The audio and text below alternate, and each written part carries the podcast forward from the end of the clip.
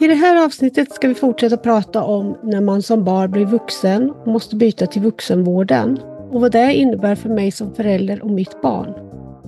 Idag pratar jag med Annika som är mamma till Tia och Camilla som är mamma till Daniella som var med i förra avsnittet.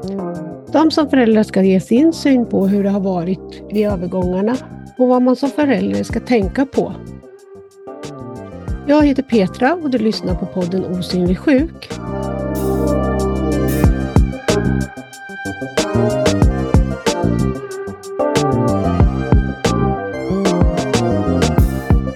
Hej och välkomna Annika och Camilla i podden. Tack mycket. Tack. Vi ska ju som sagt prata lite om hur det har varit för era barn och er att gå över till vuxenvården. Mm.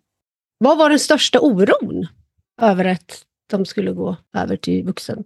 Ja, det fanns ju jättemånga olika eh, oron, eller man kan definiera oron på många olika sätt. Men jag tror den största var definitivt att all den kunskap som man hade eh, fått i de 18 åren från barnet var född fram till 18-årsåldern och det man har byggt upp, att den kunde överföras på rätt sätt, både från föräldraperspektivet och från vårdens sida.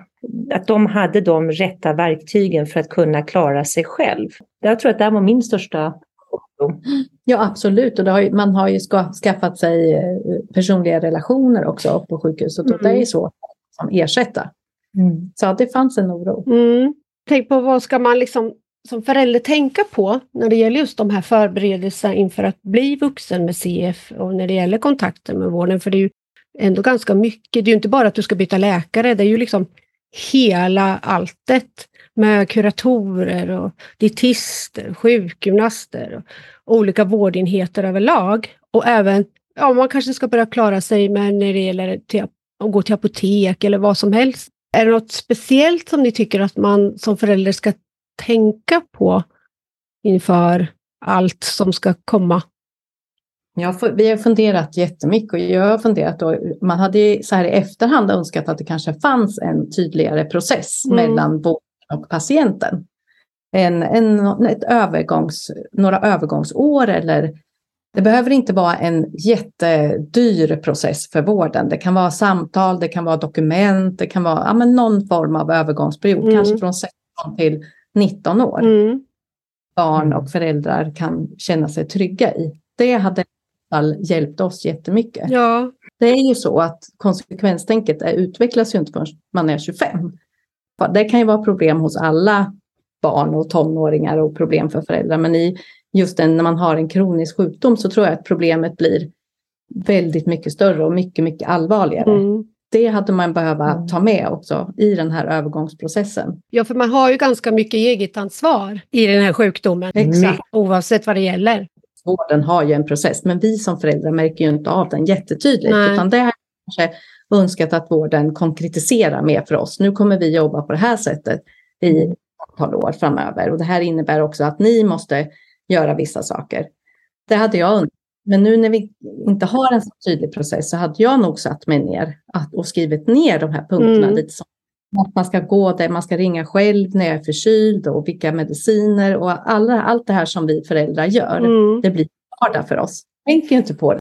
Nej, alltså alla vet ju att man blir vuxen.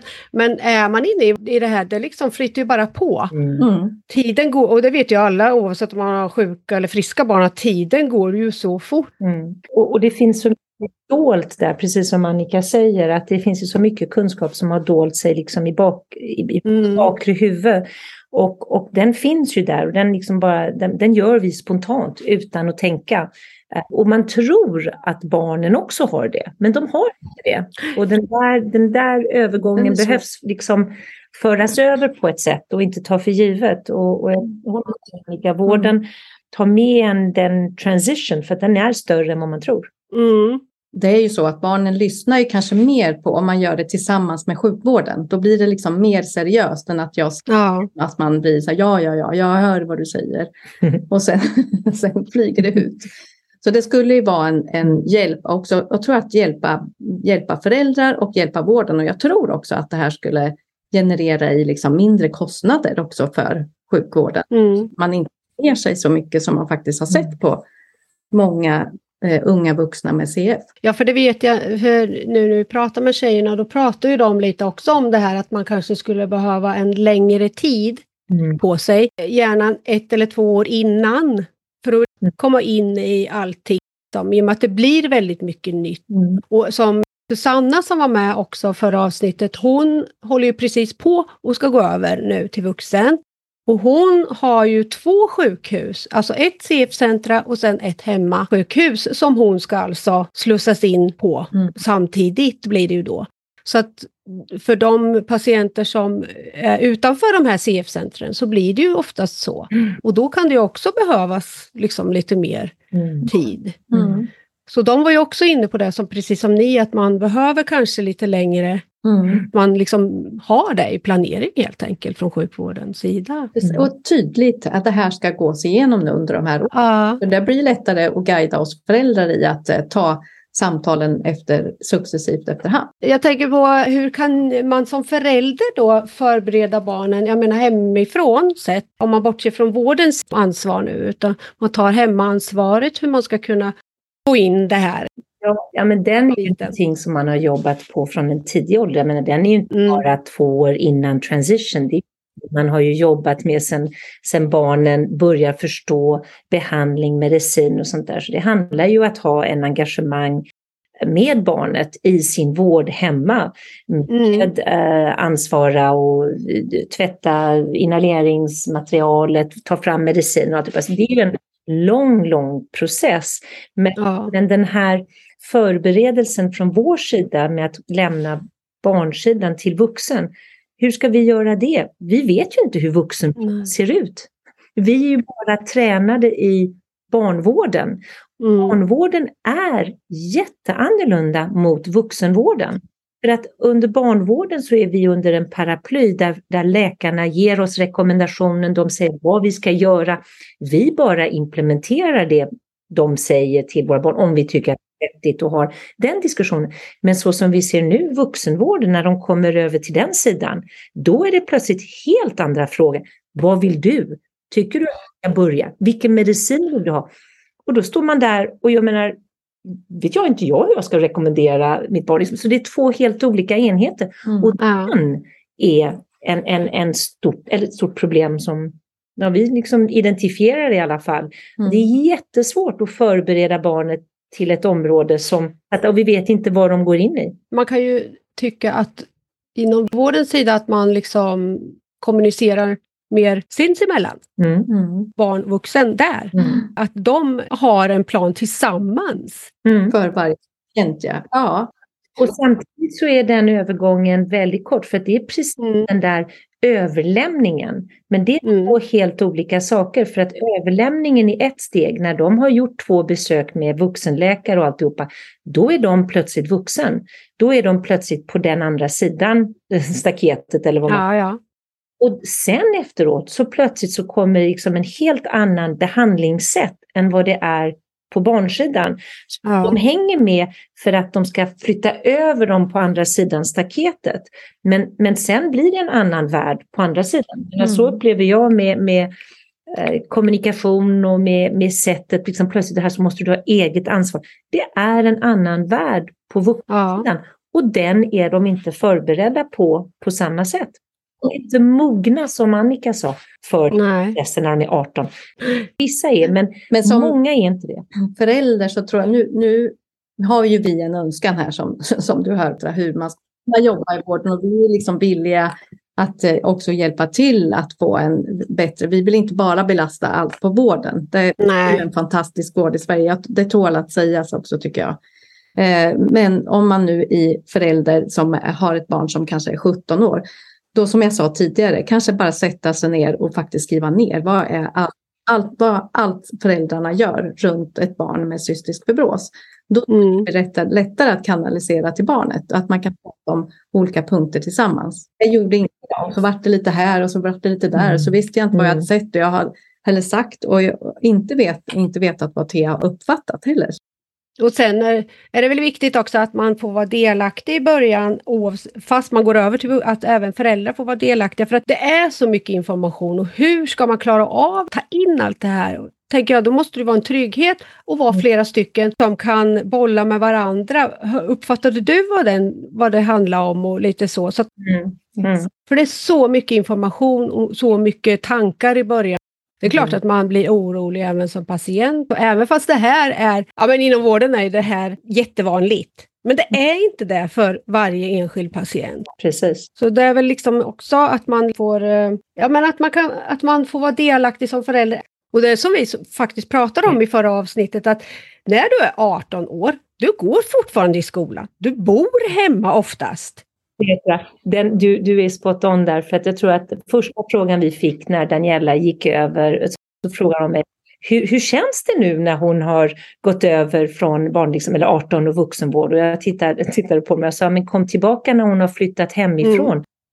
Fortfarande i skolan. Jag liksom fortfarande har ansvar för henne hemma med mat, skola, det, detta. Hon har fortfarande innetider. Jag menar, där olika med, med familjer och sånt där. Men, men för mig 18 var jättekonstigt för att hon fortfarande var ett barn mm. hemma. Ja. Är benämningen bara 18 åldersmässigt ja. att man vuxen? Så att du har helt rätt i det du ja. säger.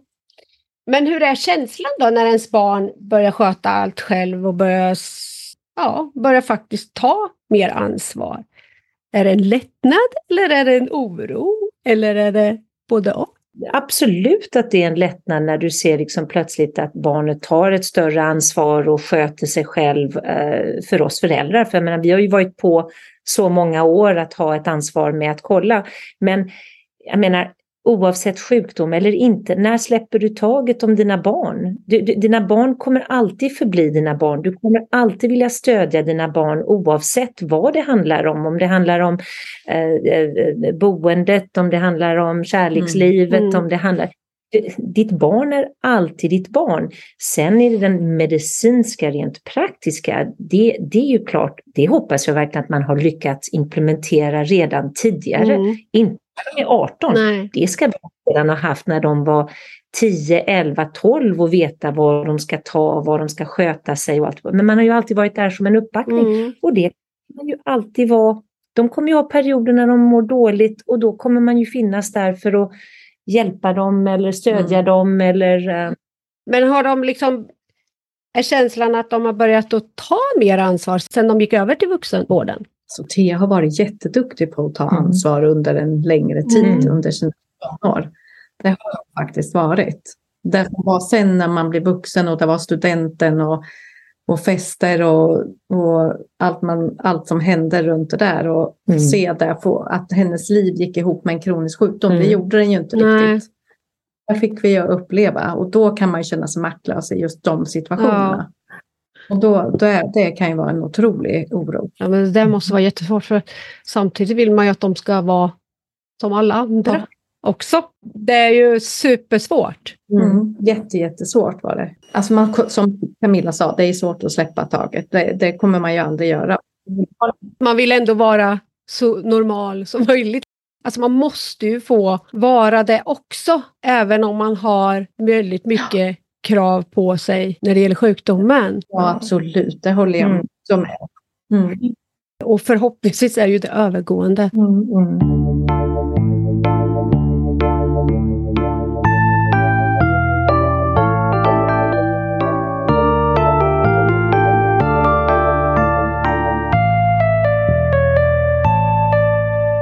Hur tycker ni annars att vården har skött övergången? Alltså har det har det varit smidigt eller har det varit mycket som har eh, kunnat ha varit mycket, mycket bättre, själva förberedelsemässigt?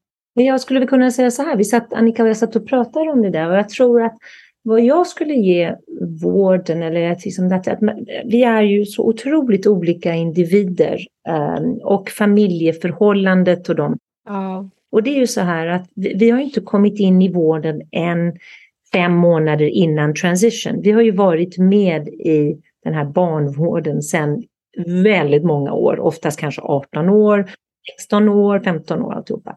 Och eh, CF är ju liksom en familj. Vården är ju en familj. En, en, en viktig del i vår vardag och, och liv. Och jag skulle tycka liksom man skulle behöva kanske se individen också. Det är mm. olika i olika familjekonstellationer eh, där man skulle se olika behov.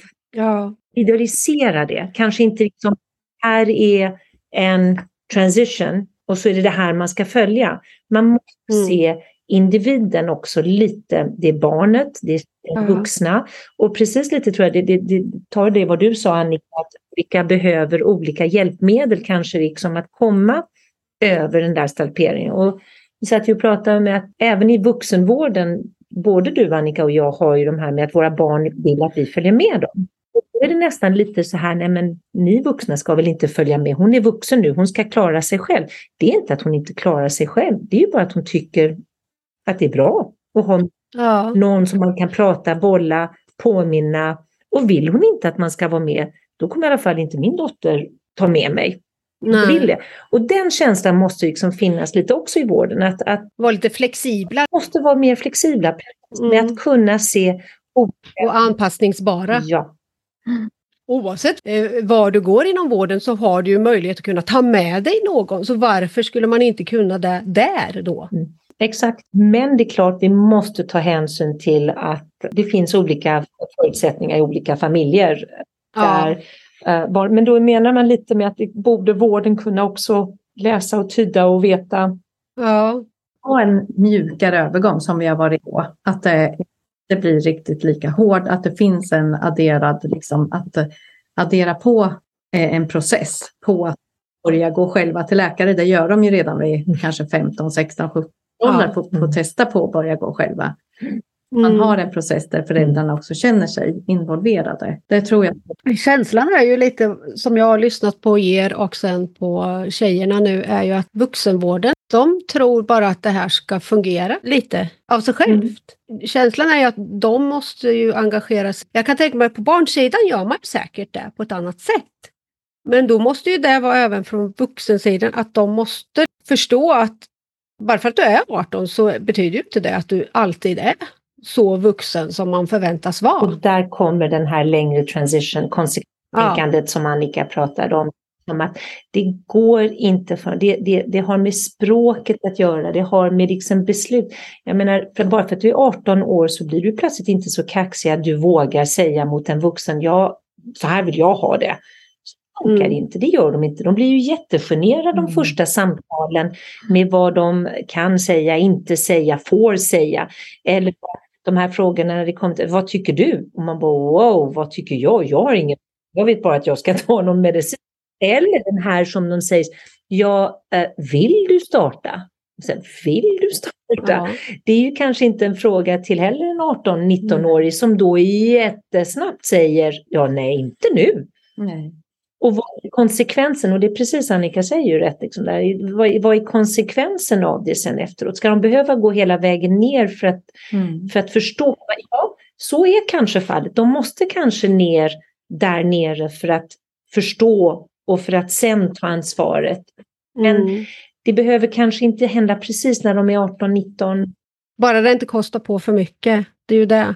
Om ens behöver gå ner Nej. sig så. Jag tror att man kan hjälpas åt att liksom dem att förstå och om vi också hjälper varandra som föräldrar och barn framöver så, så kan att mm. lyssna lite på varandras erfarenheter. Det kan rädda upp.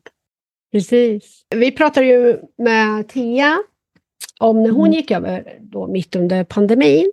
Och den kanske inte blev den bästa övergången eh, nu när man ser så här i efterhand. Vad skulle kunna ha blivit bättre tror du Annika? Och om det kommer fler så pandemier eller liknande, och vad tycker du att vården borde tänka på då? Om det, inte, det är ju redan tydligen svårt att göra en övergång. Efter att Thea fyllde 18, så efter två veckor senare så kom ju pandemin och då mm. fick jag inte följa med henne. Så det här blev ju ännu värre. Ja. Och, det här fallet så sa jag till Thea att du kan ring mig när du är hos läkaren så kan jag vara med och lyssna och så hjälps mm. vi åt. Mm. Men hon kommer in till läkaren så kanske hon tyckte att det var jättepinsamt när hon var 18. Mm. mm. Hon hade detta idag, mm. att fråga, kan jag få ringa min mamma? Hon förväntas vara vuxen, det mm. finns en förväntan på henne, tror jag hon kände. Eh, så där hade kanske vården kunnat erbjudit det här med teamsamtal. Men nu inte glömma att den här pandemin, det var ingen som visste någonting Nej. om hur ska vården kunna förbereda sig på det? är helt omöjligt. Hela världen är lamslagen. Mm. Men jag ser ju redan idag att man har börjat med teamsmöten runt landet. Att man inte behöver åka till sjukhuset jämt utan man kan ha en teamsavstämning med läkare. Det tycker jag verkligen att vården behöver utveckla. Det skulle ja. vara kostnadseffektivt för alla. Så det, det tror jag kan eh, förbättras.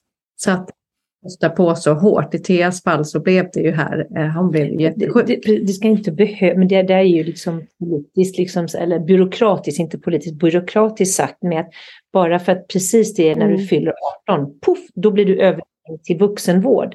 Det, det kanske måste igen få den där gråzonen i en pandemi. Mm. Det ska inte föras över på den biten. Sätt CF, någonting annat som du har generellt i hela sjukvården så ska ju inte en barn gå över en transition när det mm. inte är ett fungerande system. Nej, Då ska man sätta ett paus och bara säga vi håller det här barnet hos sig. Speciellt i de här kroniska när det är långsiktigt tills de har koll på det. Men man kan inte fortsätta och sätta, det tycker jag är helt fel. Mm. Men man visste hur lång den här pandemin skulle vara. Man visste ju ingenting. Nej, men då ska en plan. Absolut. Ja, mm. men oavsett tänker jag om den skulle ha hållit på i fyra år, vad gör det om, om barnet går kvar där i fyra år? Visst, det, man vill väl komma alltså, upp, det är ju jo, bra, men... men inte på det sättet kanske. Vem tjänar på det, tänker jag eh, lite. Och det är faktiskt så här att än idag så finns det vuxna som går på barn. Det är inte alla, det finns inte vuxenvård överallt. Så att jag tänker att mm. Ja. Kan de göra det, så varför kan inte resten göra så just då?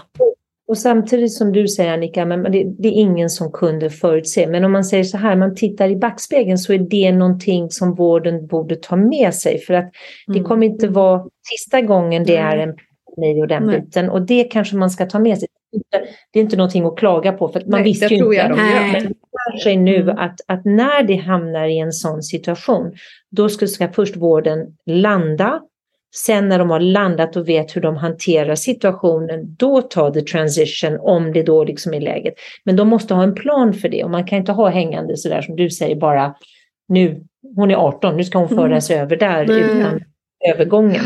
Och jag tänker så här att det hade väl ändå varit smidigare för dem att vänta också, för det hände ju så mycket annat inom vården just mm. då. Det är ju många faktiskt inom de som har jobbat med CF som har fått jobba med pandemin. Mm. Gått över och jobbat där med mm. alla covidpatienter. Så det har ju varit väldigt mycket för dem överlag som egentligen man kunde ha tjänat på kanske och låtit över, mm. sådana övergångar vänta ett tag.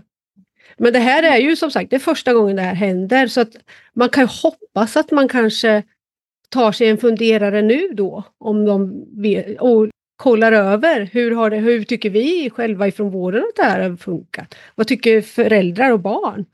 Jag tror att det är svårt för dem att veta, men som du säger, hur, hur kan man förebygga det mm. för omgång eh, och göra det mjukare? Och speciellt kanske då på en CF-enhet som har ju en större paraply och en långsiktig eh, vård av en patient. Igen, som jag säger, det är inte en patient som kommer in de sista två månaderna och så ska bara vara fem månader till. Mm. Det här är patienter som kommer vara i vården, hela barnvården, fortsätta hela vuxenvården, kommer inte försvinna. Och där är jätteskillnad.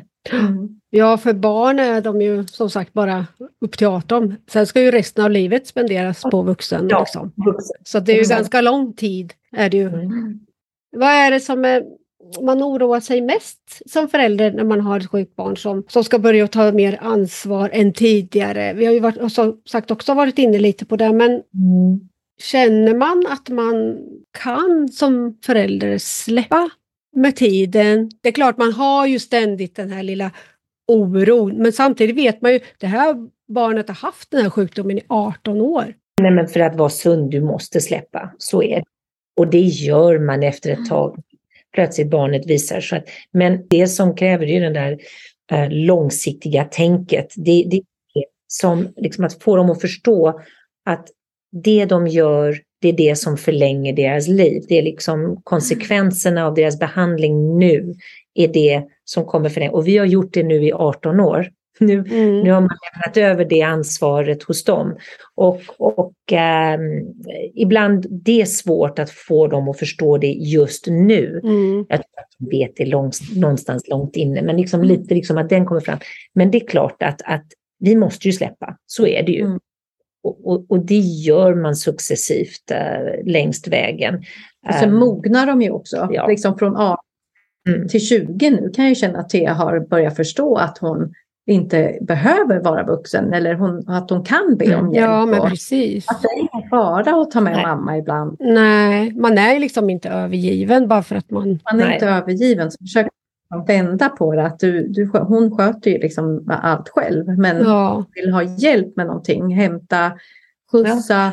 Ja. Säg till mig, jag gör det. Ja, men det ska ju fungera med deras vardag och nu, liksom, när de är så gamla, då går man på gymnasiet. Det är jättemycket krav därifrån också för att kunna genomgå din skolgång och för att du ska kunna sköta dig sjukt. Ja, men alltså, det är väldigt mycket runt omkring som är mer än när de var yngre. Nej, men... Så nu, det är mer krav nu än någonsin när de är i den åldern och klara den här skolgången och allt. Så det är väl fullt naturligt, tänker jag, att man som förälder vill hjälpa till mm. lite grann. Mm, det gör man ju även när barnen inte är sjuka, så att säga. Exakt. Där, där, där poängterar du liksom också grejen att det är ju inte bara liksom sköta sig själv i sjukdomens bild, det är ju massvis av andra grejer. Man, mm. När barn eh, tar beslut och, och, saker och ting. Så det, det, det är ju karaktärsdrag och uppfostran som man ger till sitt barn som man hoppas att man ger den plattformen man vill att de ska ha som vuxen så att de kan mm. själva.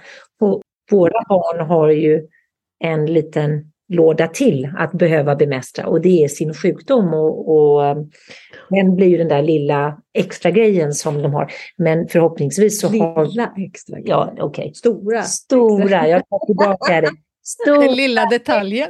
Men, ja, men, ja, men man, man, måste ju se liksom också helheten. Ja, men det är klart, ja. stor grej. Men man mm. vill ju inte heller, de ska inte, egentligen ska man säga så här, man vill ju inte att de ska uppleva det som en jättestor grej de har med. Nej. De har ju liksom gått igenom det från barn till vuxen mm. och, och, och, min hopp är ju liksom att man säger, ja du har den här lådan med dig eh, och den är jättejobbig men ja, så är det och den här måste du eh, fixa och dona. Va? Men man vill ju mm. försöka inte göra den, det kanske så jag menar med ja, lilla ja, lådan, att jag vill liksom inte inte göra den större än vad den är. Nej, för att mm. hon har all kapacitet, eller barnen med CF har ju så mycket kapacitet till massvis av grejer. Bara att de måste mm. sköta den där stora lådan.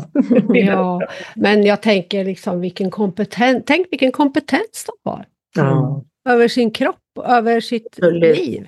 Absolut. Allting. Ja, men på så sätt är ju alla, inte bara CFR utan alla barn som är sjuka, vilken, alltså...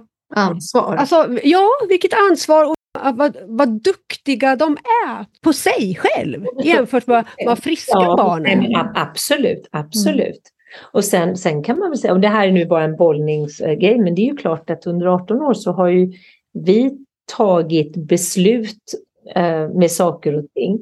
Och då har vi ju tagit konsekvensen för ett dåligt beslut. Och där kanske liksom också man kan säga att man får lite dålig, eller kanske som föräldrar, man mår dåligt när barnet ska då plötsligt ta beslut. Det är barnet som ska ta konsekvensen för, barn, mm. för sitt beslut. Och det kan nu bara om du pratar om oro. Det är kanske mm. liksom, jag kan liksom bara, mitt stackars barn, ska hon behöva ta konsekvensen för ett beslut som hon tar när mm. jag skulle ta det, för jag vill bara lindra. Mm. Förstår, ni vad jag, förstår ni vad jag försöker fram. Att, och det har jag inte tänkt på, men det är också en sån där grej med att man har ju tagit beslut, men ja. det är jag som tar konsekvensen, även det är hennes kropp som kanske, men jag tar konsekvensen för ett dåligt beslut. För att jag tog den. Ska det barnet bära det beslutet och sen ta konsekvensen för och det? Man vill ju inte att barnet ska lida. Ja, och det är det. Fast det är väl det som är lite att lära sig, tänker jag. Jo, absolut. Mm. Hade man inte de här motgångarna och allt bara flöt på, då tror jag det skulle bli jättegrej om något helt plötsligt sen. Mm. Man behöver lite motgångar för att förstå hur man ska gå vidare också.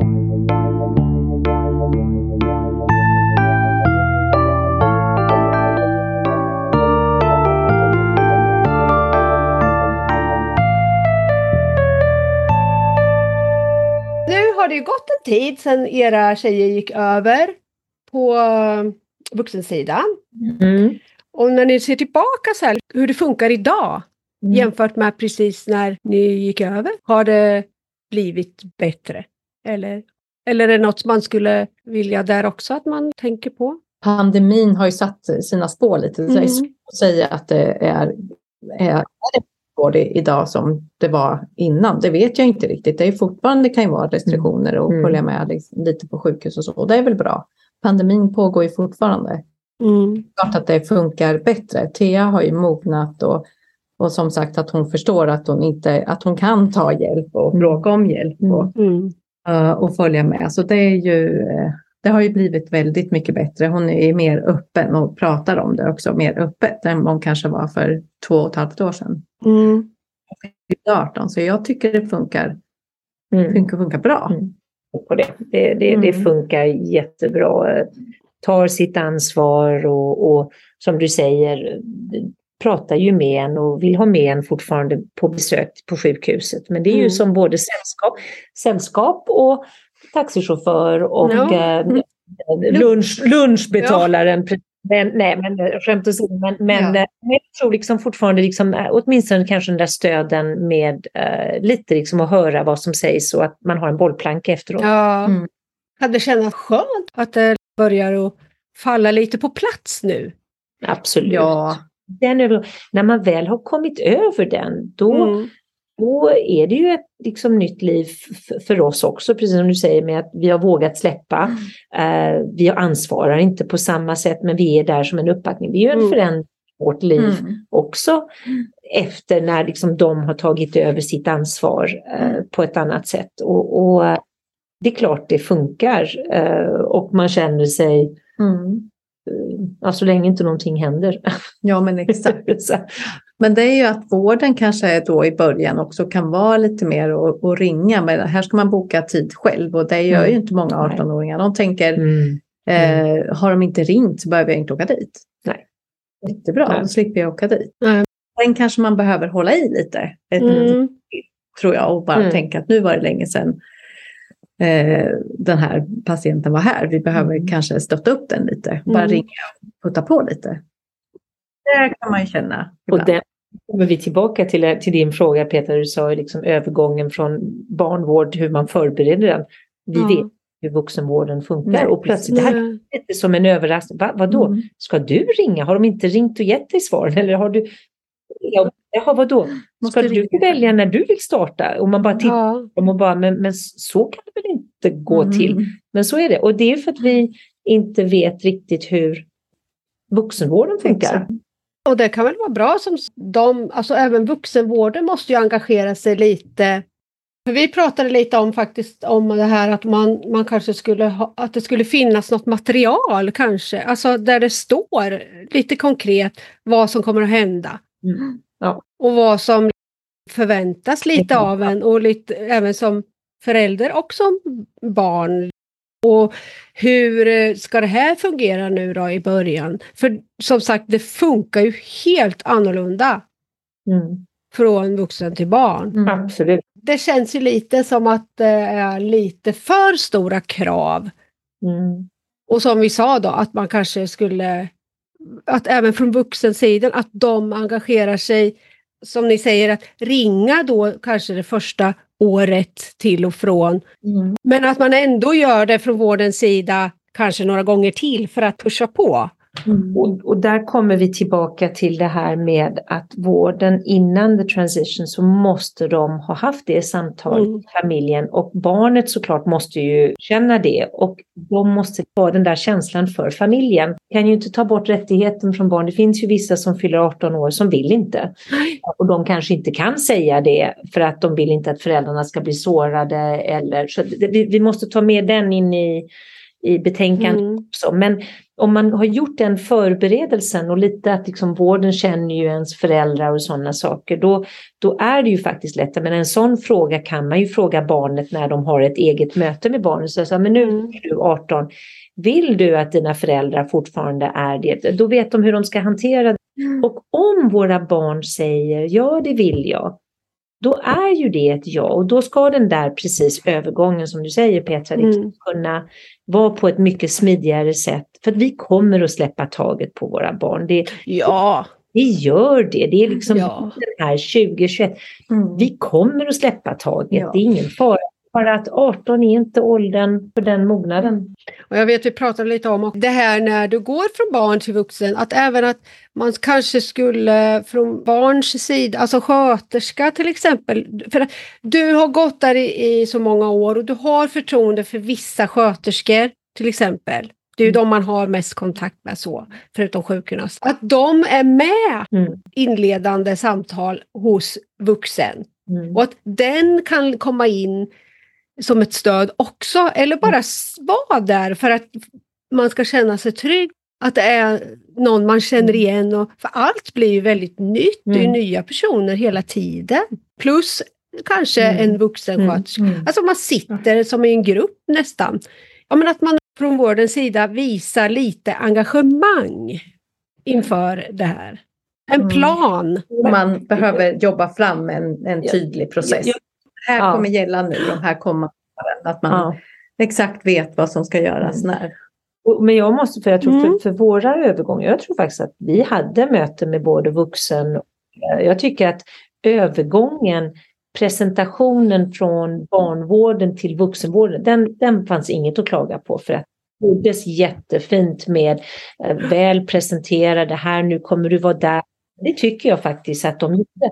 Det är bara att en möte det räcker inte. Liksom. Det är bara för att ja, nu har vi gjort den här överlämningen och så tror man nu är det klart och nu har hon presenterats. Nu går du in från den andra mm. sidan. Det, det, räcker inte. Det måste vara några, och lite som du säger, att, att lite en längre process och en liten övergång där. Och sen kan det vara så att det tar ju ett tag innan vissa frågor kommer upp. Mm. Mm. Så att man får tid på sig.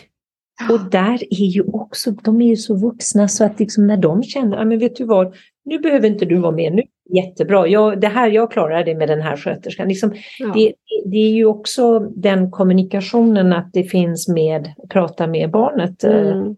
eller den vuxna mm. personen. Och eh, vissa behöver längre övergång och vissa går mycket snabbare. Ja. Men det är den, och då kommer vi tillbaka till planen, jag håller med dig. Att, att det är den här, det ska vara en direktiv, inte en plan, det ska vara en direktiv. Mm. Liksom säger så här ska man mm. ju försöka göra för sen måste den individuellt anpassas. Ja. Ni är ju engagerade. Hur vill ni jobba för att uh, hjälpa andra, bland annat? Mm. Precis, ja, både Camilla och jag sitter ju i CF Stockholm, så vi har ju mm. samarbete med er på Riksförbundet också. Ja. Eh, jag har ju suttit i många, många år, både jag och Camilla. Jag har hoppat av och hoppat i igen. Och vi är ju ett antal vuxna där som är föräldrar och också CF-patienter i styrelsen. Och vi har ju haft otroligt mycket stöd av varandra. Och det mm. här vill man ju egentligen dela med sig av. Vi tror att det är många föräldrar som kanske känner sig ensamma som inte har kontakt med andra föräldrar. Nej. Eller kontakt med några få och vill ha kontakt med några fler. fler. Vi har försökt med mammagrupper och pappagrupper. Sen kom pandemin och sen har det liksom runnit ut lite. Och nu tror vi ju kanske mer på att jobba och lägga de pengar som vi har i vår förening mm. på, på webbinarier eh, för kanske unga. Mm. Jag drar igång på Riksförbundet eh, och också webbinarier för, för föräldrar. Och det kan ju vara föräldrar ju, som har barn i olika åldrar. Mm. Så att man har samma frågor att prata om. Det tycker jag är jätteviktigt. Så vi vill egentligen uppmana er mm. föräldrar som lyssnar på det här. Hör av er. Ja. Vad ni vill att vi ska göra. Allt kan ske på distans. Man behöver inte träffas. Det kan vara kort om tid och så vidare. Vi ordnar ett möte. Och vi kan ja. också IRL också såklart.